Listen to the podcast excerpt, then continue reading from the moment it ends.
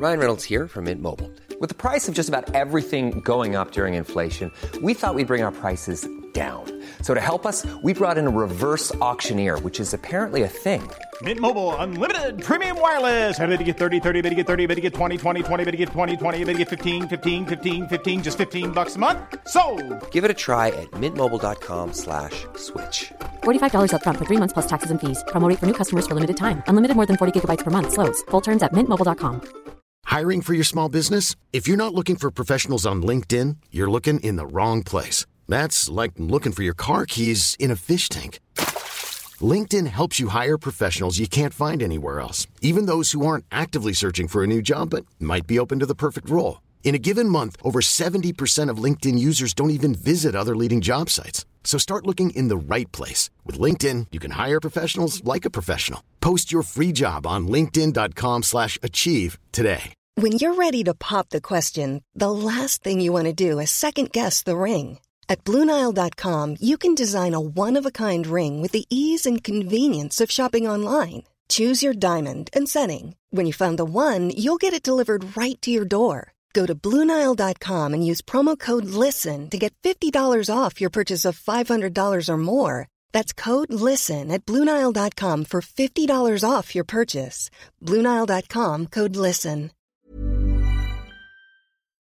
Programmet presenteras i samarbete med Kraft, ett hjärta som klappar för hästfoder.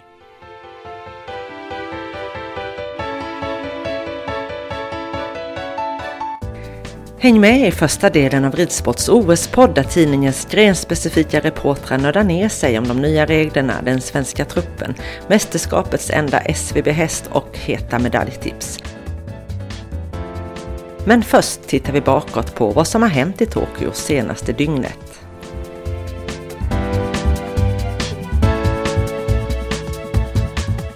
Veterinärbesiktningen verkar ha gått bra för oss svenskar. Man kan konstatera att det är sällan utan dramatik under de här stora tävlingarna. Man tänker på det olympiska spelet där Therese Nilshagen fick stryka sig i sista sekund när man visade sig att Dante Veltino inte var i ordning. Och så denna gång lagets absoluta ankare Patrik Kittel. Uh, han har skrivit, eller blivit intervjuad i dagens tidningar och skriver att det viktiga är att hästen mår bra och det har han höjer sina elever, både Antonia och Juliette Rammel och säger att de är duktiga och de tränas utav honom så att han kommer nog att ge järnet för att hjälpa och stärka sina elever och hela laget. Och jag tror han kommer göra en bra insats för Patrik är en väldigt kunnig tränare och han är väldigt lojal mot sina elever och jag tror han känner att han för över hela sin ambition på att försöka höja svenskarnas insatser. Men det ska bli spännande att följa och det är jättetufft. Man kämpar så och vi har haft ett helt år i väntans tider för ett olympiskt spel. Och sen att drabbas av en skada under träningen, det är, det är väldigt, väldigt tufft för en ryttare. Men eh, jag tycker ändå han har tagit det väldigt bra och eh, det är sportsligt av honom.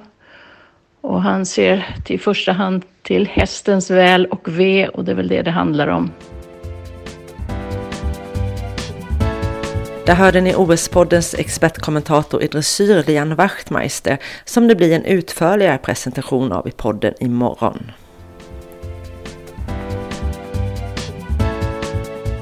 OS-podden tittar både framåt och bakåt när det gäller olympiska spel och Anna Nyberg har intervjuat en av svensk dressyrs stora profiler som själv har ridit tre OS.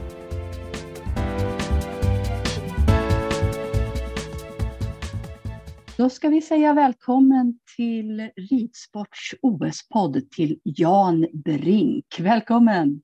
Tackar! Sitter eh, hemma på Tullstorp just nu och eh, det är några dagar kvar till OS när vi gör det här. Men jag tänker att vi ska blicka både lite tillbaka och lite framåt, du och jag. Och då undrar jag så här, när du ser de här fem olympiska ringarna, vad, vad är det för tankar som kommer i ditt huvud då? Det är ju nog det högsta man kan uppnå, just det här med att representera sitt land och så vidare. Och även när man rider EM och VM och allt det där, så OS är ändå vart fjärde år bara och det är precis då det gäller och det är då, precis då man ska lyckas. Och det vet vi alla att eh, det är tufft det där när det är precis just den tiden och just då, då ska allt vara på topp. Va? Men det, det är nog den här högsta drömmen tror jag för väldigt många. Mm. Du gjorde ditt första OS, ja det är 21 år sedan i år, Sydney 2000 med Briar. Vad är Exakt. de starkaste minnena från det, de spelen? Jag tror eh, för mig fortfarande, trots att jag har varit med i tre olympiska spel, så är nog Sydney det jag har störst intryck av. Dels att vi var där väldigt länge i Australien. Fantastiskt land och helt fantastiska människor. Och eh, det var också ett, eh, ett OS som... Eh, det var ju mycket security naturligtvis, men det var inte lika hysteriskt som det, var, som det är nu. Um, det är det sämsta OS resultatmässigt. Briar var bara nio år och vi lyckades inte jättebra någon av oss i laget faktiskt. Men det är ändå det, det OS som jag tyckte var mest fantastiskt. Um, hela upplägget också passade bra med känslan av samhörighet som, som det är väldigt mycket med olympiska kommittén vill ju att alla sporter ska, ska liksom få kraft av varandra och eh, vi var ju på kvällarna ofta och tittade på handboll och andra sporter. Du kommer ju själv ihåg vilket friidrottslag vi hade med eh, Carolina Klüft och, Stefan Holm och, och Kajsa Bergqvist och allt det där. Det drällde in medaljer och vi var och hejade på dem och den känslan där och även invigningen. Det är mycket sådana grejer runt omkring med OS som är väldigt speciella. Mm. Alla atleter bär varandra så att säga. Det blir ja, oavsett gren så, så, är man där tillsammans för Sverige. Det är så det är, förstå, har jag förstått. Mm. Och sen var det Aten 2004, Peking 2008. Bättre resultat, men inte samma starka upplevelse som Sydney alltså. Jag tyckte Aten var också ett trevligt eh, OS. Um, ehm, närmare Europa naturligtvis, närmare vår kultur kanske. Och, eh, vi, ehm, jag blev sjua, tror jag, om inte jag minns fel, individuellt. Eh, då var jag inte speciellt nöjd med det. Men i efterhand nu så var det ett steg närmare och eh, ja, men, eh, annorlunda spel. Vi bodde inte i Olympic Village det året utan då hyrde vi huset vid vattnet. Det var många som gjorde det för det var närmare anläggningen och närmare hästarna. Och ja, det...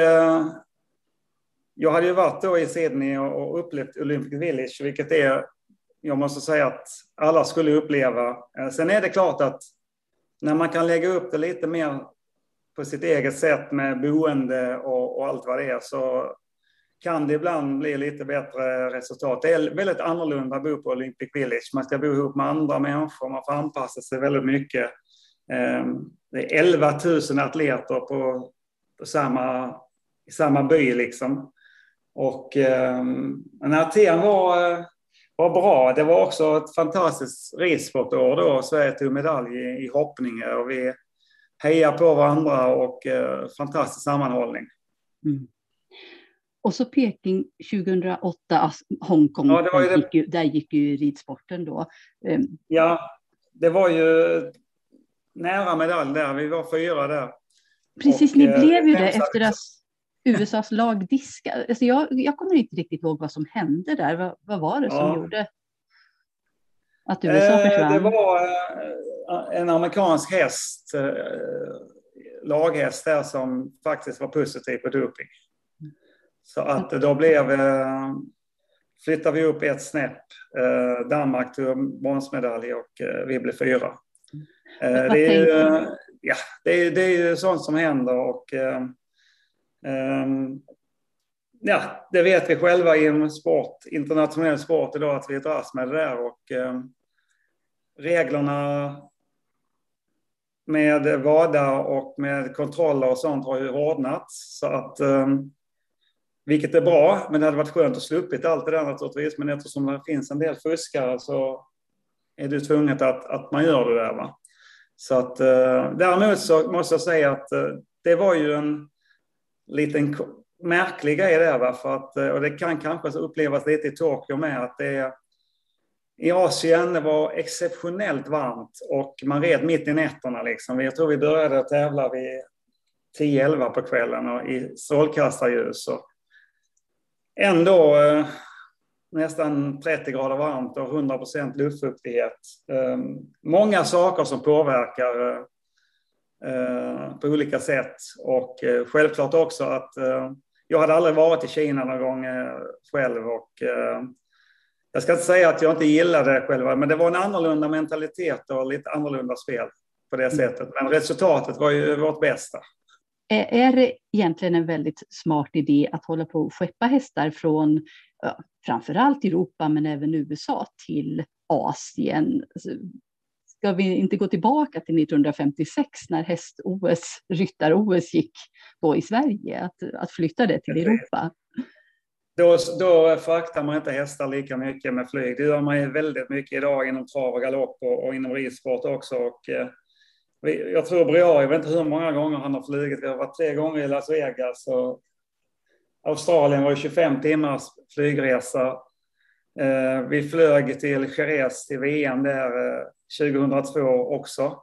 Så att det, det, är fantastiska möjligheter med flyg idag. Eh, otroligt välorganiserat och bra på alla sätt. Sen klart 56 i Melbourne, då, då var det också det här med att Australien är en ö och karantänsbestämmelser, det var nästan en omöjlighet. Och eh, då var ju häst-olympiska spelen i, i, i Stockholm. Ja. Men är det ändå så viktigt att få vara en del av den övriga idrotten så att det är värt att skeppa hästar och allting över halva jorden? Nu får man ju säga att man får sig en tankeställare i, i, i pandemitider och även när det här med, med, eh, med, med det som hände efter då i Spanien med eh, de hästarna som dog och på, på platsen och så vidare. Eh, man kan, jag tror aldrig vi kommer ifrån det. Det handlar mycket om eh, globalisera sporten också i världen. Det vill ju FI. Och eh, jag tror att eh, det kommer att bli lite mindre, tror jag. Jag tror att många, det är framförallt hoppryttarna som förflyttar sig väldigt mycket och väldigt ofta. Ehm, jag tror att på individuell nivå kommer nog vissa ryttare att kanske säga att nej, jag tar hellre den tävlingen än den och så vidare. Men det handlar lite om pengar också, framförallt inom hoppsporten. Att de stora prispengarna finns ju kanske där sponsorerna finns naturligtvis. Så att, eh, det är en avvägning man får göra. Och det är en diskussion som säkert kommer att fortsätta och det är väldigt intressant att höra dig prata om det, Jan Brink. Men om vi ska ta itu med det som ligger framför oss nu, ja, när det här hörs i Ridsportspodd så är OS redan igång. Och hur går det för svenskarna i år, Jan? Ja, det har ju gått väldigt bra för gänget nu de sista tävlingarna. Det blev ju lite, det har ju varit ett konstigt OS-år för att det är ett år för sent. Och dessutom har det varit en väldigt kort tid att kvala och, och kompakt tävlingsschema. Ehm, men det som eh, de har gjort nu här i, i, på de olika platserna, kvalplatserna, har ju sett väldigt bra ut måste jag säga. Så att, eh, men det är många bra konkurrenter. Så att eh, det gäller bara att hålla sig till sin egen ridning. Det är inte som ishockey, fotboll, att man kan takt, med taktik eh, manövrera ut motståndaren. Utan här är det, gäller det bara att man håller sig till sin egen ridning och, eh, och sen är det, handlar det om vad de andra gör också. Eh, men det är flera bra lag som är tuffa, va? med framförallt Tyskland och man vet aldrig vad man har i USA. England ligger också där uppe på medaljchans, Danmark, eh, Holland. Så det är ganska öppet. Eh, jag skulle vilja säga lite grann som det brukar vara innan eh, stort mästerskap, att Sverige är liksom med där bland de fem, tycker jag. Eh, och har de en superdag och ja, någonting händer med något annat lag som gör att eh, de tappar så finns det möjligheter till medalj, absolut. Men guldmedaljen den går till Tyskland, eller vad tror du? Eh, det är ju lite mer, det är ett nytt format nu som vi vet med tre ryttare bara. Och eh, det är inte så att man kan räkna bort en ryttare bara, men det är klart man kan byta häst inför specialen och så vidare. Så där är lite utrymme för om det händer någonting. Men det är lite mer kniven på strupen för de, på de här starka nationerna, självklart. Vad tycker du om det nya formatet? Hiss eller diss? Eh, jag tycker att det är bra. Jag tycker att det är bra att även de här väldigt starka nationerna får känna lite grann av att, att det är skarpt läge och eh, eh, det blir lite nervösare naturligtvis och mer spännande kanske. Mm. Hur ska du själv följa OS? Jag tycker det är rätt kul att se även, även andra nationer som kanske inte är på toppnivå, inte bara gå in och se de bästa ryttarna utan även se vad som händer runt omkring eh, eh, toppnationerna. Framförallt för min del, som, så som jag jobbar nu med träning och eh, headhunting med både ryttare och, och hästar och, och, och sälj, säljer ju utbildade hästar också över hela världen och då är det viktigt att se hur, hur andra nationer och hur deras lag ser ut och, och hur de rider och så vidare. Har du några slags intressen i OS? Är det någon häst du har sålt eller det någonting sånt? Inte i år med någon häst eh, specifikt så, men jag har jättestora intressen av eh, Ramel-döttrarna och Patrik naturligtvis som har, jag har tävlat med i lag eh, flera gånger och tycker att han gör fantastiskt. Och kände väl också att, att han kanske blir den som tar, tar över efter mig. Um, och det har han ju verkligen gjort. Och, um, så jag känner väldigt mycket med dem och, uh, hoppas på Sverige. Är, är, du färdig med OS för egen del? För min egen del är det, jag är ingen sån där människa som ändrar mig och ska göra comeback, utan jag bestämde 2009 att uh, själv, inte på grund av andra omständigheter, att jag är nöjd nu med karriären och tyckte att det skulle bli väldigt spännande att börja träna unga talanger. Och, och uh, däremot vill jag väldigt, väldigt, väldigt gärna följa med mina adepter till OS någon gång, kanske till Paris eller något sånt där. Det hade varit jätteroligt. Paris 2024, det är nästa mål alltså. Då ja. kan vi se Jan Brink på ett OS i bästa fall. Ja, jag hoppas det. Ehm, de yngre ryttarna nu, de har ju haft enorma framgångar på ungdomssidan och tagit massor med medaljer internationellt och svenska mästerskap och så vidare. Och de eh, har absolut kapacitet kvalitetsmässigt som ryttare. Sen handlar det om att hitta rätt häst och, och, och rätt timing för alltihopa. Så är det. Det är mycket som ska falla på plats både nu inför detta OS och inför kommande OS. Tack så mycket Jan Brink för att du ville vara med i Ridsports OS-podd. Tack själv. Vi har blivit bortskämda med svenska OS-medaljer på senare tid. Faktum är att det har blivit svensk ridsportmedalj på varje OS sedan 2004. Men gulden har lyst med sin frånvaro i modern tid. Aten 2004. Det märkliga lagsilvret. Lagsilver i hoppning till Peder Fredriksson, Magic Bengtsson, Rolf-Göran Bengtsson på McKinley, Peter Eriksson på Cadento och Malin Bajard på H&M Butterfly Flip. Tänk att tre av de här medaljörerna ska representera Sverige på OS igen 17 år senare. Silvret i Aten, det var en märklig historia som färgades av en dopingaffär. Men den dröjde till efter OS och den svenska kvartetten åkte från Grekland som bronsmedaljörer. Det var Tysklands Ludger Beerbaum som sen diskvalificerades. Det tyska laget som tog guld förvandlades till bronsmedaljörer och det svenska bronset blev därmed ett silver. En sak som gör den här svenska OS-medaljen så speciell är att det var den första svenska OS-medaljen i hoppning sedan 1928.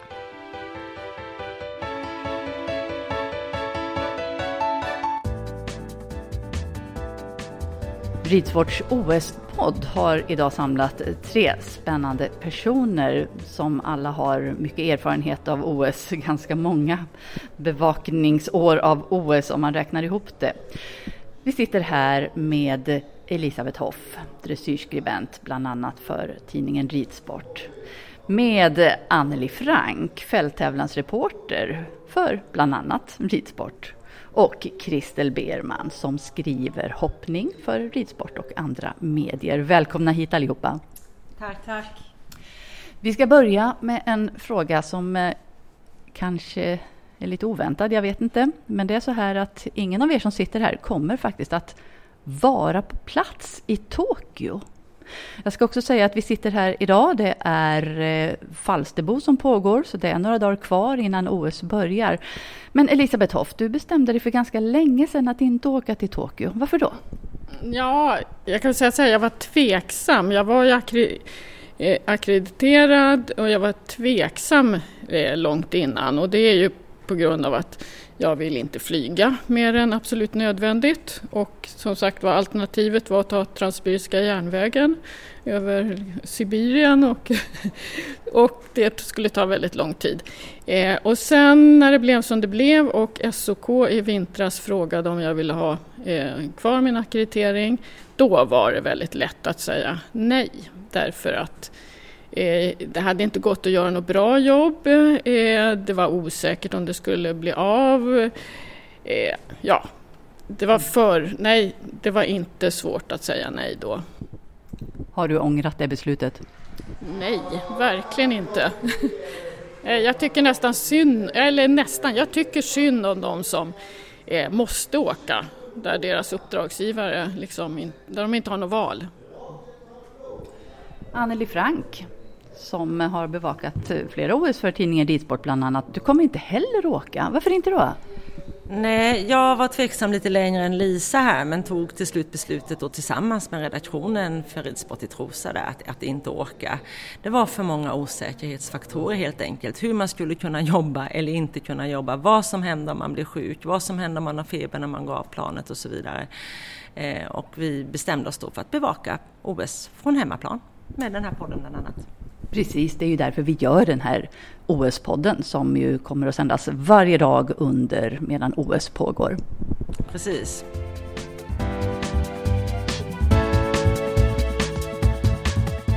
Programmet presenteras i samarbete med Kraft, ett hjärta som klappar för häst. This is Paige, the co-host of Giggly Squad, and I want to tell you about a company that I've been loving, Olive and June. Olive and June gives you everything that you need for a salon quality manicure in one box. And if you break it down, it really comes out to $2 a manicure, which is absolutely insane. It's also so easy to get salon worthy nails at home with Olive and June. The difference between how your nails used to look when you did them yourself and now with the Manny system is a complete game changer. The best thing about Olive and June too is it's a quick dry, dries in about one minute, lasts for five days, and full coverage in up to one to two coats. Visit oliveandjune.com slash perfect Manny 20 for 20% off your first system. That's oliveandjune.com slash perfect Manny 20 for 20% off your first system system. There's never been a faster or easier way to start your weight loss journey than with PlushCare. PlushCare accepts most insurance plans and gives you online access to board-certified physicians who can prescribe FDA-approved weight loss medications like Wigovi and Zepbound for those who qualify. Take charge of your health and speak with a board-certified physician about a weight loss plan that's right for you.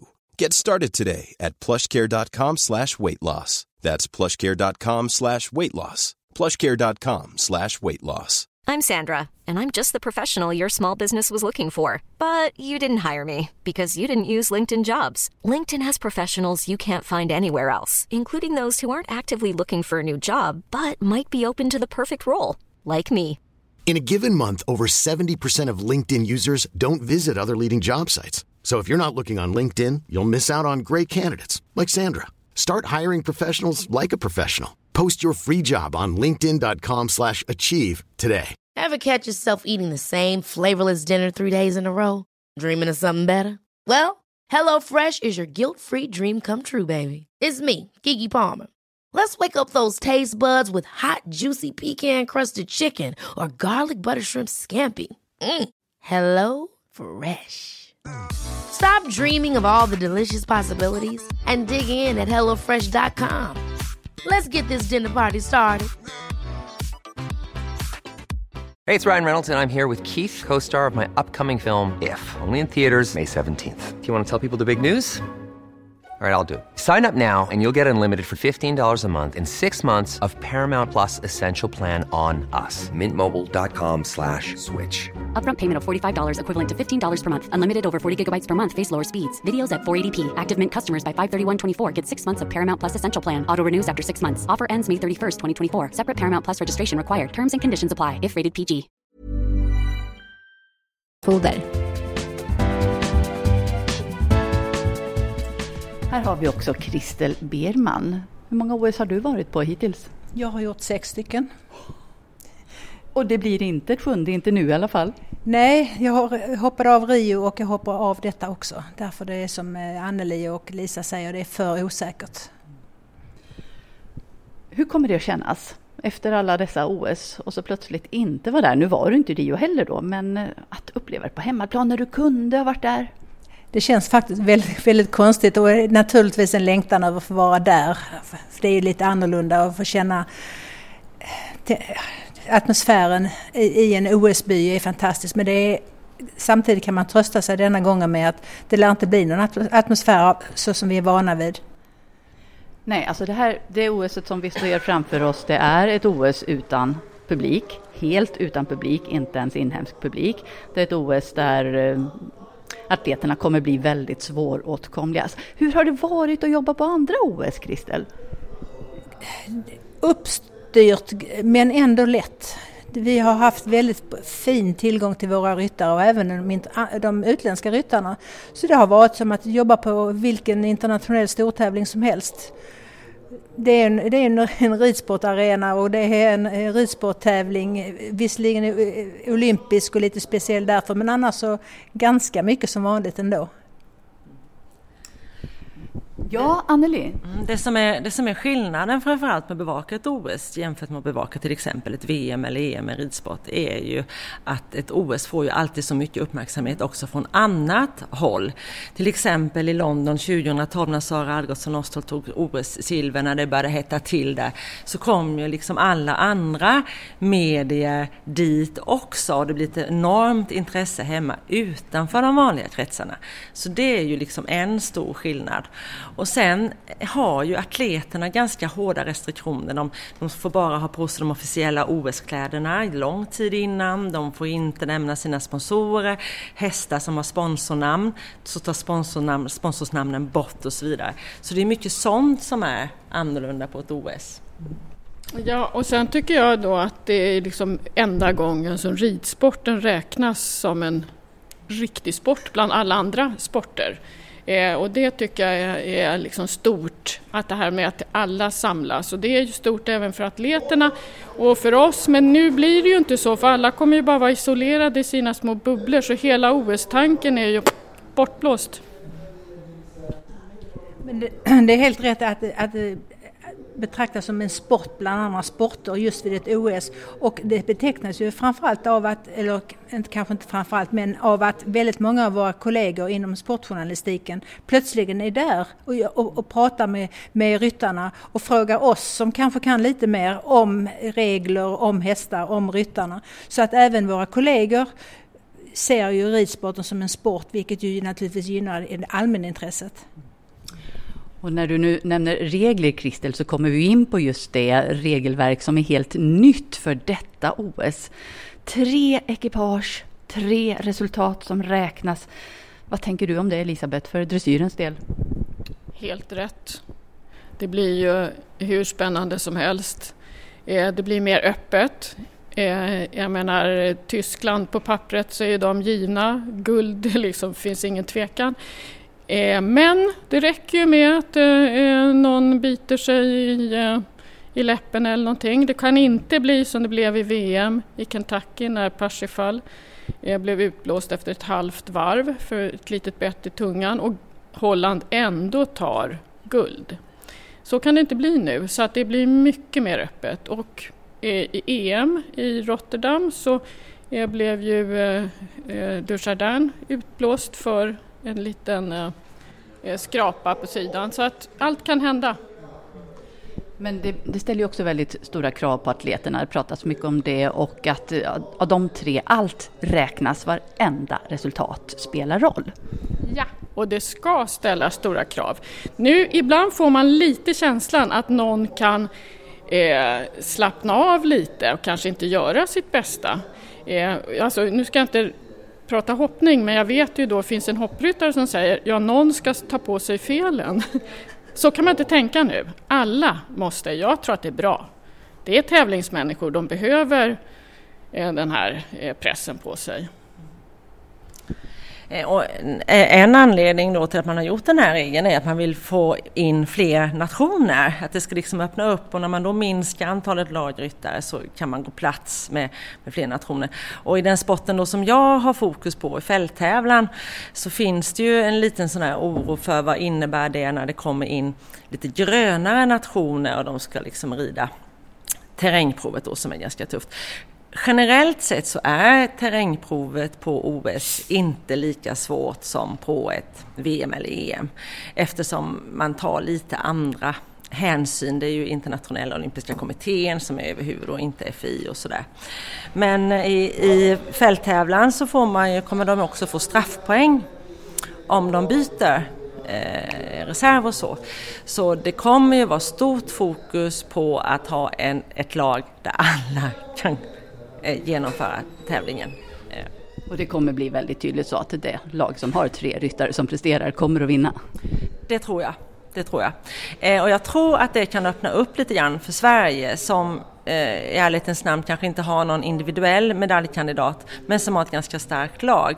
Medan de andra tunga nationerna, Tyskland, Storbritannien till exempel, har ryttare, ekipage som kan gå för individuell medalj och kanske frestas då att ta lite större risker i terrängen för att ta den där individuella medaljen medan Sveriges huvudfokus är en lagmedalj. Eh, så det, det ska bli jättespännande.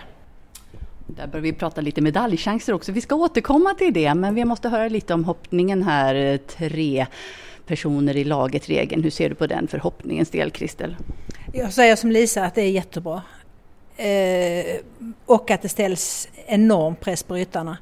Nu är det ju lite mer riskfyllt inom hoppningen än, ursäkta, med dressyren.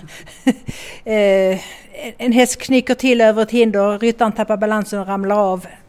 Laget blir diskad. Eh, det har ju diskuterats att man ska göra, införa som, eller återinföra åttafelsregeln efter att eh, stanna, när, om en ryttare går, ramlar av eller, eller går omkull med sin häst, att, att klockan stannas, hästen undersöks av veterinär, ryttaren av eh, läkare och sen kan, kan få eh, klartecken att fortsätta med även tidstillägg då. Eh, det har inte kommit igenom nu men eh, generellt eller övergripande tycker jag att tre, tre ryttarsregeln är jättebra. Finns det någon sanning i det där att någon ryttare har liksom varit den som skulle dra på sig felen? Det vill man, vill man väl inte diskutera men, och det är väl kanske så, sånt som ryttarna säger men det är ju inte helt osannolikt. Och, och det, jag tror också att det här, alltså när man kan ha fyra då bara tre räknas så har det kanske varit lättare att ta med någon, någon rookie. Alltså någon som kan prestera väldigt bra innan tävlingen och vägra ut sig andra eller någon väldigt ung ryttare som man tänker som behöver liksom få känna på ett OS och så. Men om vi kommer tillbaka till fälttävlan då så en, en fråga som har lyfts där är att man kommer kanske kunna få en medalj då i fälttävlan i OS utan att ha gjort alla tre momenten. Och det är ju alla tre momenten som är signumet för fälttävlan och att det då blir lite annorlunda, ett lite annorlunda värde i det. Hur då kunna få medalj utan att göra alla momenten? Om du sätts in som reserv Mm. Om, efter dressyren till exempel, eller efter terrängen. Så att du bara gör hoppningen eller bara eh, terrängen då. Det blir ju lite speciellt. Mm. Och det är ju bara i fälttävlan det kan hända förstås på det sättet. Mm. Precis, att man missar moment. Mm. Och särskilt just eftersom det är signumet. En annan sak som blir lite speciellt då för, för, för fälttävlan är ju att det är ett helt nytt dressyrprogram som bara är 3,50 tror jag långt. Så det blir ju väldigt, alltså de måste ju verkligen kunna visa upp sina hästar väldigt distinkt. De har inte så många chanser att kanske reparera skador och sånt. Så fälttävlan är ju absolut den grenen som har flest förändringar. Även om det är en del i, i dressyren och hoppning med bara tre deltagare. Mm. Så fälttävlan är ju nästan en ny sport. Mm kortad terräng också ja. på grund av eh, vädret, värmen och, och luftfuktigheten där. Så det gör det ju ännu svårare också för att se hur det ska gå. För hoppningens del är det ju nu också så att det är ett individuellt tävlande med två hoppningar bara. Och sen är det laghoppning i två omgångar. Och eh, det gör ju att, att eh, den individuella eh, hoppningen den blir ju mer som en helt vanlig Grand Prix i stort sett. Och det gör också, öppnar ju också för eh, att det kan bli skrällar. Därför att med fem hoppningar som det var tidigare så är, är det ju en större utmaning på ryttarna och, och eh, på hästarna och för ryttarna att hålla sina hästar i, i sådan trim och ha dem i sådan trim och vara så väl förberedda att de klarar den femte dagens hoppning. Så därför ser jag det som att det kan bli en, en skräll i hoppningen. Det är inte alldeles säkert att den bästa ryttaren vinner alltså så att säga. Den bästa som är bäst just då förstås. Men...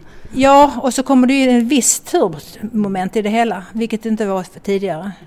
För mycket av de här nya reglerna handlar ju om att göra sporten mer lättillgänglig. Det ska inte ta så lång tid, det ska vara lite snabbare, det ska vara lite mer spänning i det hela. Så det, alltså det, spänningen kommer hållas på topp var, i hela, ja, speciellt i hoppningen då, ända tills final, sista ryttaren över sista hindret.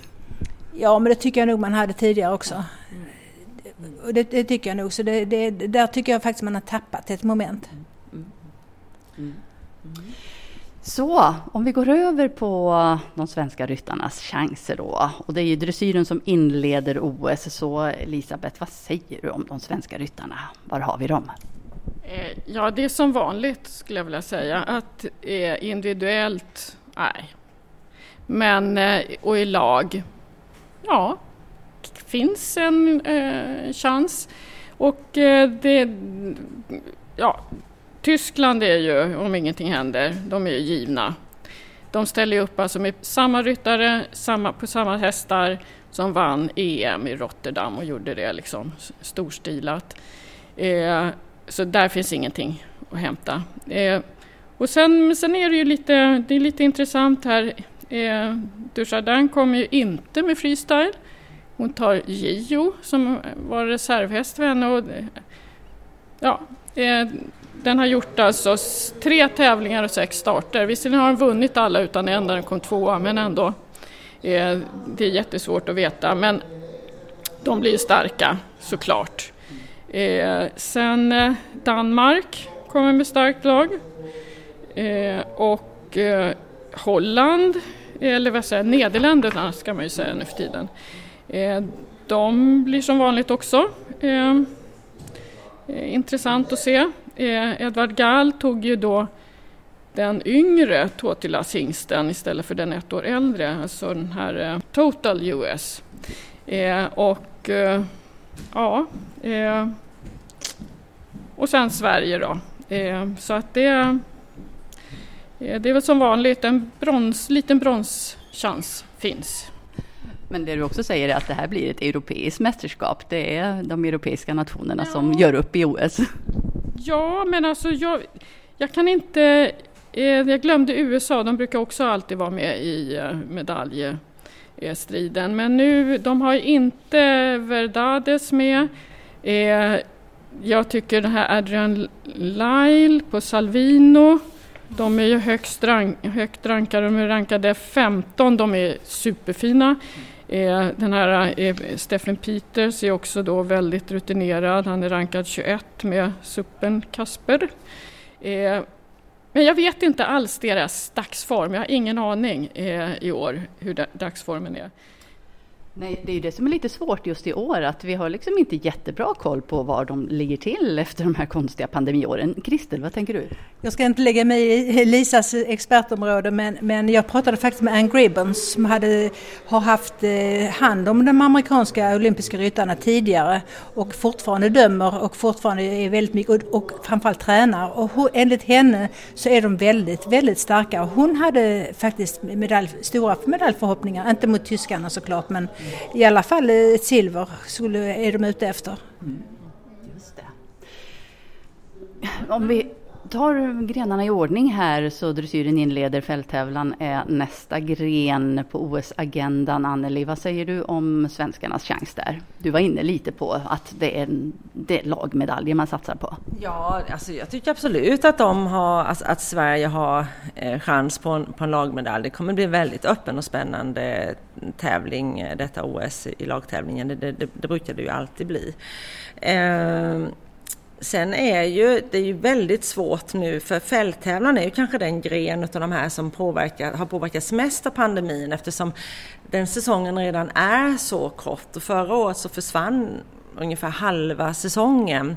Och det har varit oerhört svårt. Om det har varit svårt för alla så har det kanske varit extra svårt för fälttävlansryttarna att lägga upp en optimal plan och förbereda sig och sådär.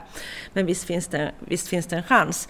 Men jag tror ju då att eh, England som har kunnat ha flera fyrstjärniga tävlingar under året och som bland annat då Therese Wiklund och Ludvig eh, Svennestål, de är baserade i England, att där har de ett litet, litet försprång. Att de har liksom kunnat hålla igång och tävla på en relativt hög nivå under en längre period, den här säsongen i alla fall.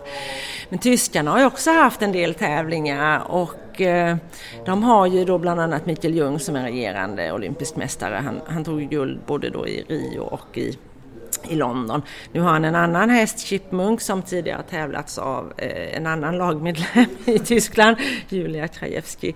Eh, men med, med Michael Ljung ska man aldrig räkna ut när det är eh, ett internationellt mästerskap. Eh, Oliver Townend, Storbritannien, världsetta, gör sitt första OS faktiskt. Han kommer vara grymt sugen på ett individuellt guld. Eh, vi har eh, Nya Zeeland, Australien, starka nationer. Eh, vi har Frankrike som är regerande olympisk mästare i lag som kommer med helt nya ryttare. Ingen av guldmedaljörerna får Rio rider i, i deras lag i år. Så det kommer bli öppet och spännande. Men Tyskland och Storbritannien är mina guldfavoriter. Och hoppningen, kanske den OS-gren som går mest ut bland tittare och i världen, är den gren som får avsluta OS av ridsportens grenar. Hur går det för svenskarna, Kristel? Jag tror att det går väldigt bra för svenskarna för vi har ett väldigt rutinerat lag och vi har en väldigt rutinerad reserv. Eh, så jag tror att det kan gå väldigt bra. Dessutom så ser jag den uppladdningen som har gjorts med att Indiana, Malin Barriards häst eh, All In, Peders häst, att de har tävlat väldigt sparsamt och hela de senaste två åren har varit upplagda mot detta OS. Så jag, jag tror att det kan gå väldigt bra och Henrik von Eckermans eh, King Edward är ingen dum häst, den har vi sett nu i vår, var väldigt bra. Så det, det... Vad betyder väldigt bra då? Blir det medalj? Ja, det tror jag det blir jag, jag, tror att, att det, kan, det kan bli en medalj för det svenska laget. Och vilka är de stora utmanarna, konkurrenterna? Tyskarna är ju alltid bra. Daniel Deusser han är ju speciell och väldigt duktig och har haft enorma framgångar. Nu, eh, och så rider han sin Killer Queen och den är också ma- alltså matchad verkligen för detta. Så har de Christian Kukuk, eh, Maurice Tebel och André Thieme och det är ju starka ryttare. Sen har vi eh, holländarna som har fått ett litet bakslag för Harry Smolders eh, bästa häst eh, Dolin är skadad. Men han är med som reserv ändå med Bingo de Park.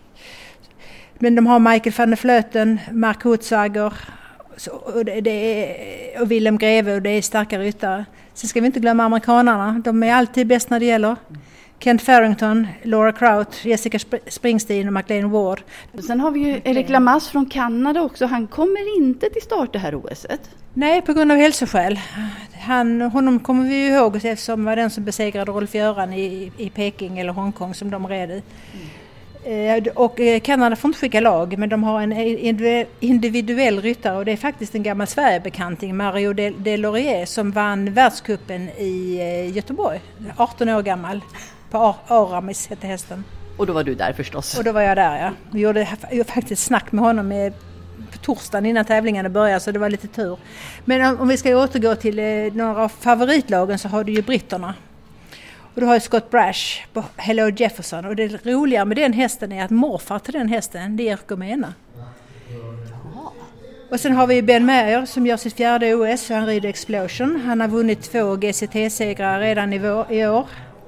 Så har du unga Holly Smith, en tjej som rider sin Denver. Och så har du reserven Harry Charles.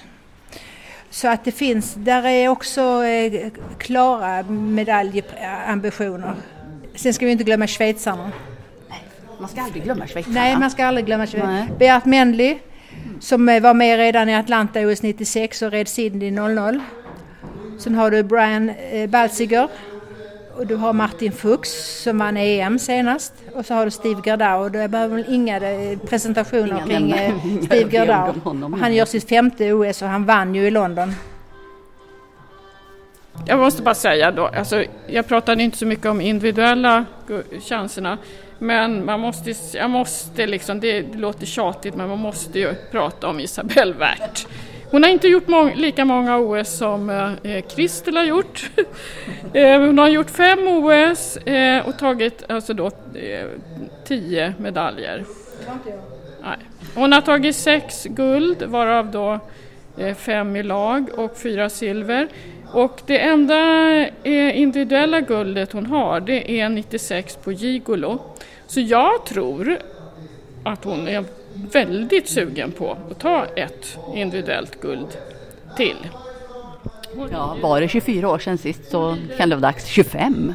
Hon rider Belarus som hon är rankad detta med. Så att, eh, och sen, eh, nu ska jag, inte, så ska jag inte rabbla upp alla andra som har chans men jag måste ändå eh, prata om Portugal som jag inte tror kommer ta medalj men de rider tre ryttare på tre Lusitanos och det är lite kul. För de har ju haft lite blandat sådär med PRE, och vanliga varmblod eller halvblod och sen Lusitano. Men nu är det tre Lusitano och de har fått Kyra som tränare återigen. Hon var tränare för dem eh, under VM eh, 2010 Eh, och det är första gången de har ett OS-lag så att det blir ju kul ändå att se. Vi vet ju att det är väldigt många som tycker väldigt mycket om Lusitanihästar. Eh, så att eh, det tror jag, det blir, det blir ett litet kul eh, inslag. Det kan bli en publikdragare. Anneli, mer ja, om fälttävlan? Ja, nej, men jag vill ju, jag måste känna ändå att jag måste säga någonting om, om på tal om det här med eh, kvalificerade reserver. Du, du, var inne på hoppningen där Kristel med Rolf-Göran Bengtsson som reserv. Vi har ju Sara Alresson Ostholt som reserv i fälttävlan, fjärde ryttare som eh, tjänade på då att OS faktiskt flyttade fram ett år. Hon hade inte hunnit få den hästen klar till förra året men tog liksom chansen eh, nu då. Eh, och det är ju faktiskt då en SVB-häst. Det, det, är ju lite roligt. Som är uppfödd av, uppfödd av Agneta Lemke och ägs av Patricia Oddshammar och Gunnar Mordahl, en, en tioåring efter Klicken Cash. Som eh, Niklas Lindbäck tävlade under unghäståren och faktiskt red unghäst-VM på eh, också. Eh, så, så det tycker jag är lite intressant och kul att se. Alltså, denna samlade expertis det är bara en liten del av allt vi kommer att bjuda på här i Ridsports OS-podd som du lyssnar på just nu här med Elisabeth Hoff, Anneli Frank och Christel Berman. Vi ska avsluta med alltså förutsättningarna för det här OSet. Efter pandemiår, år, åren, svårt att säga hur länge vi ska tänka på detta.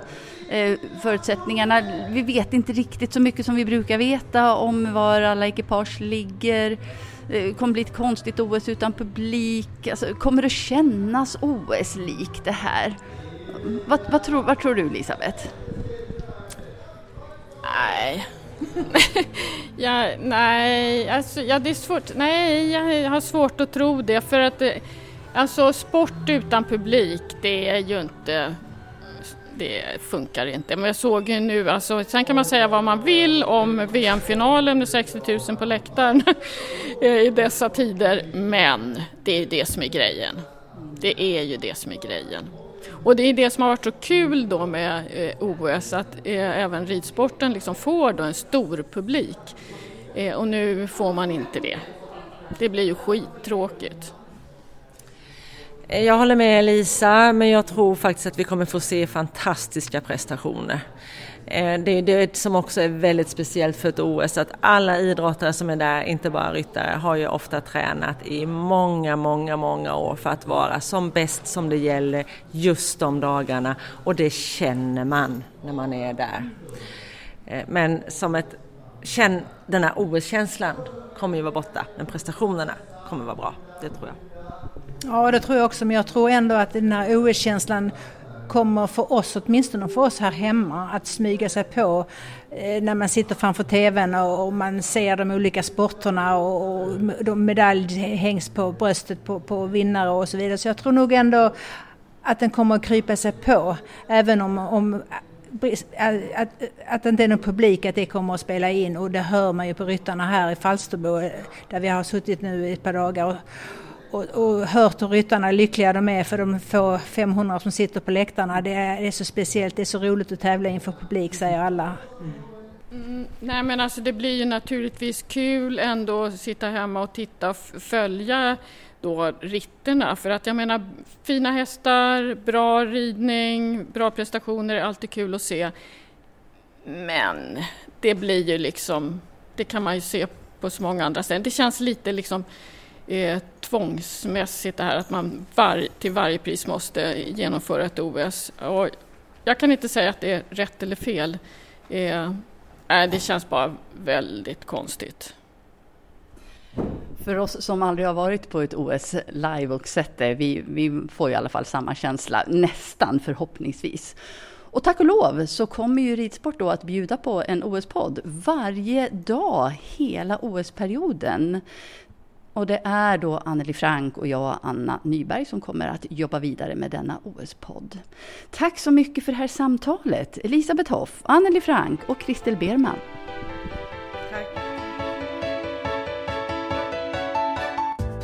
På tidningen ridsport.se finns massor av läsning om de svenska OS-lagen, regler och de andra ländernas trupper i ridsport. Och du kan börja med att lyssna på en artikel från sajten som gäller det amerikanska dressyrlaget här. Den svenskfödda dressyrikonen Anne Gribbons vet det mesta om amerikansk dressyr. Faktum är att det är hon som ligger bakom det senaste decenniets stora framgångar för USA. Det finns inte en amerikansk dressyrryttare som Annie Gribbons inte har koll på. Hon har kunnat kartlägga alla, inte minst som domare, men också som hårt anlitad tränare. Ändå tycker hon att det är svårt att sia om de amerikanska chanserna i årets OS.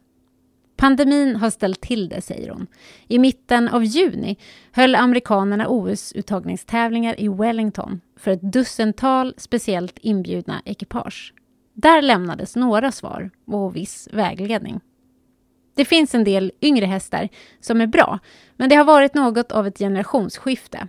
Vi tappade ju den fantastiska Verdardes som vid 18 års ålder pensionerades i början av förra året. Lite ryttarrutin finns dock bland amerikanerna. Det var inga höga odds på att Stephen Peters, 56 år, skulle bli uttagen med sin 13-åriga vallack Supen Casper. En annan nu uttagen ryttare som Annie Gribbons tidigt trodde på är Sabine Schutterkerry, 52 år med 15-åriga Saneko. Sabine rider väldigt väl, säger hon. Annie Gribbons hundraprocentiga koll på den amerikanska dressyren accentuerades när hon mellan 2009 och 2012 var coach för det amerikanska laget. Det första hon gjorde då var nämligen att ge dressyren i USA struktur genom att organisera ett helt utbildningssystem från juniorer till seniorer. Det gav omedelbara resultat. USA OS-kvalade till London vid VM i Kentucky 2010 och sen tog amerikanerna hem samtliga medaljer vid Pan Am Games i Mexiko. Vi hade sedan hängt på lagbronset i OS i London, trots få tillgängliga hästar. Men en sjätteplats var bra ändå. Flera ryttare gjorde maxprestationer och jag var väldigt stolt över dem, säger Annie Gribbons. Efter OS avgick hon som coach. Jag var ivrig att få döma igen. Jag saknade det väldigt mycket. Jag satte också igång med mina privata elever på allvar, säger hon. Idag har hon inga officiella uppdrag, förutom att jag sitter med i några kommittéer. Hon har fyra, fem duktiga elever, bland annat Jodie Kelly, May Grayton Beach och Anna Marek. Jodies häst, en stor holländsk fux med bläs, den kan bli lika bra som Verdardes, säger Anne. Hon är numera 74 år, gift med David sedan 52 år och rider fortfarande. Det är vad kroppen behöver, säger hon. Och hon inte bara rider, hon tävlar. Sin 13-åring Let's Dance efter en son till Loris Crusader i Grand Prix och har dessutom Calexio, en hannoveranare som hon har köpt i Karlstad. Let's Dance möden i linje är okänd. Mamman drog nog en plog i Tyskland. Det är en intelligent häst med sinne för humor. Han är lika rolig att rida varje dag.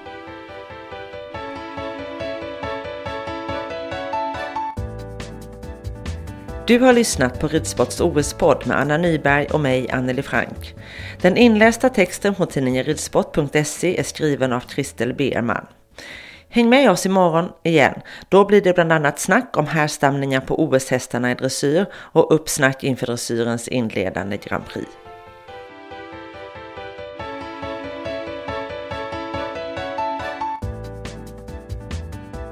Programmet presenteras i samarbete med Kraft ett hjärta som klappar för hästfoder.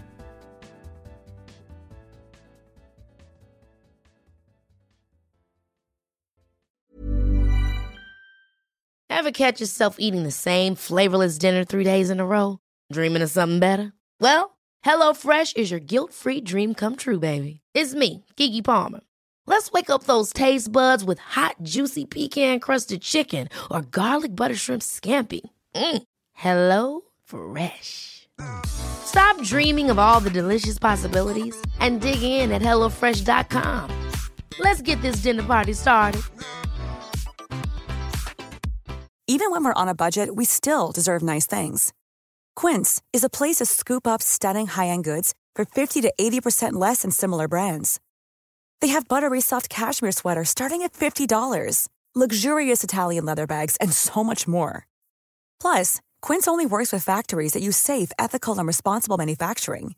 Get the high-end goods you'll love without the high price tag with Quince. Go to quince.com/style for free shipping and 365-day returns.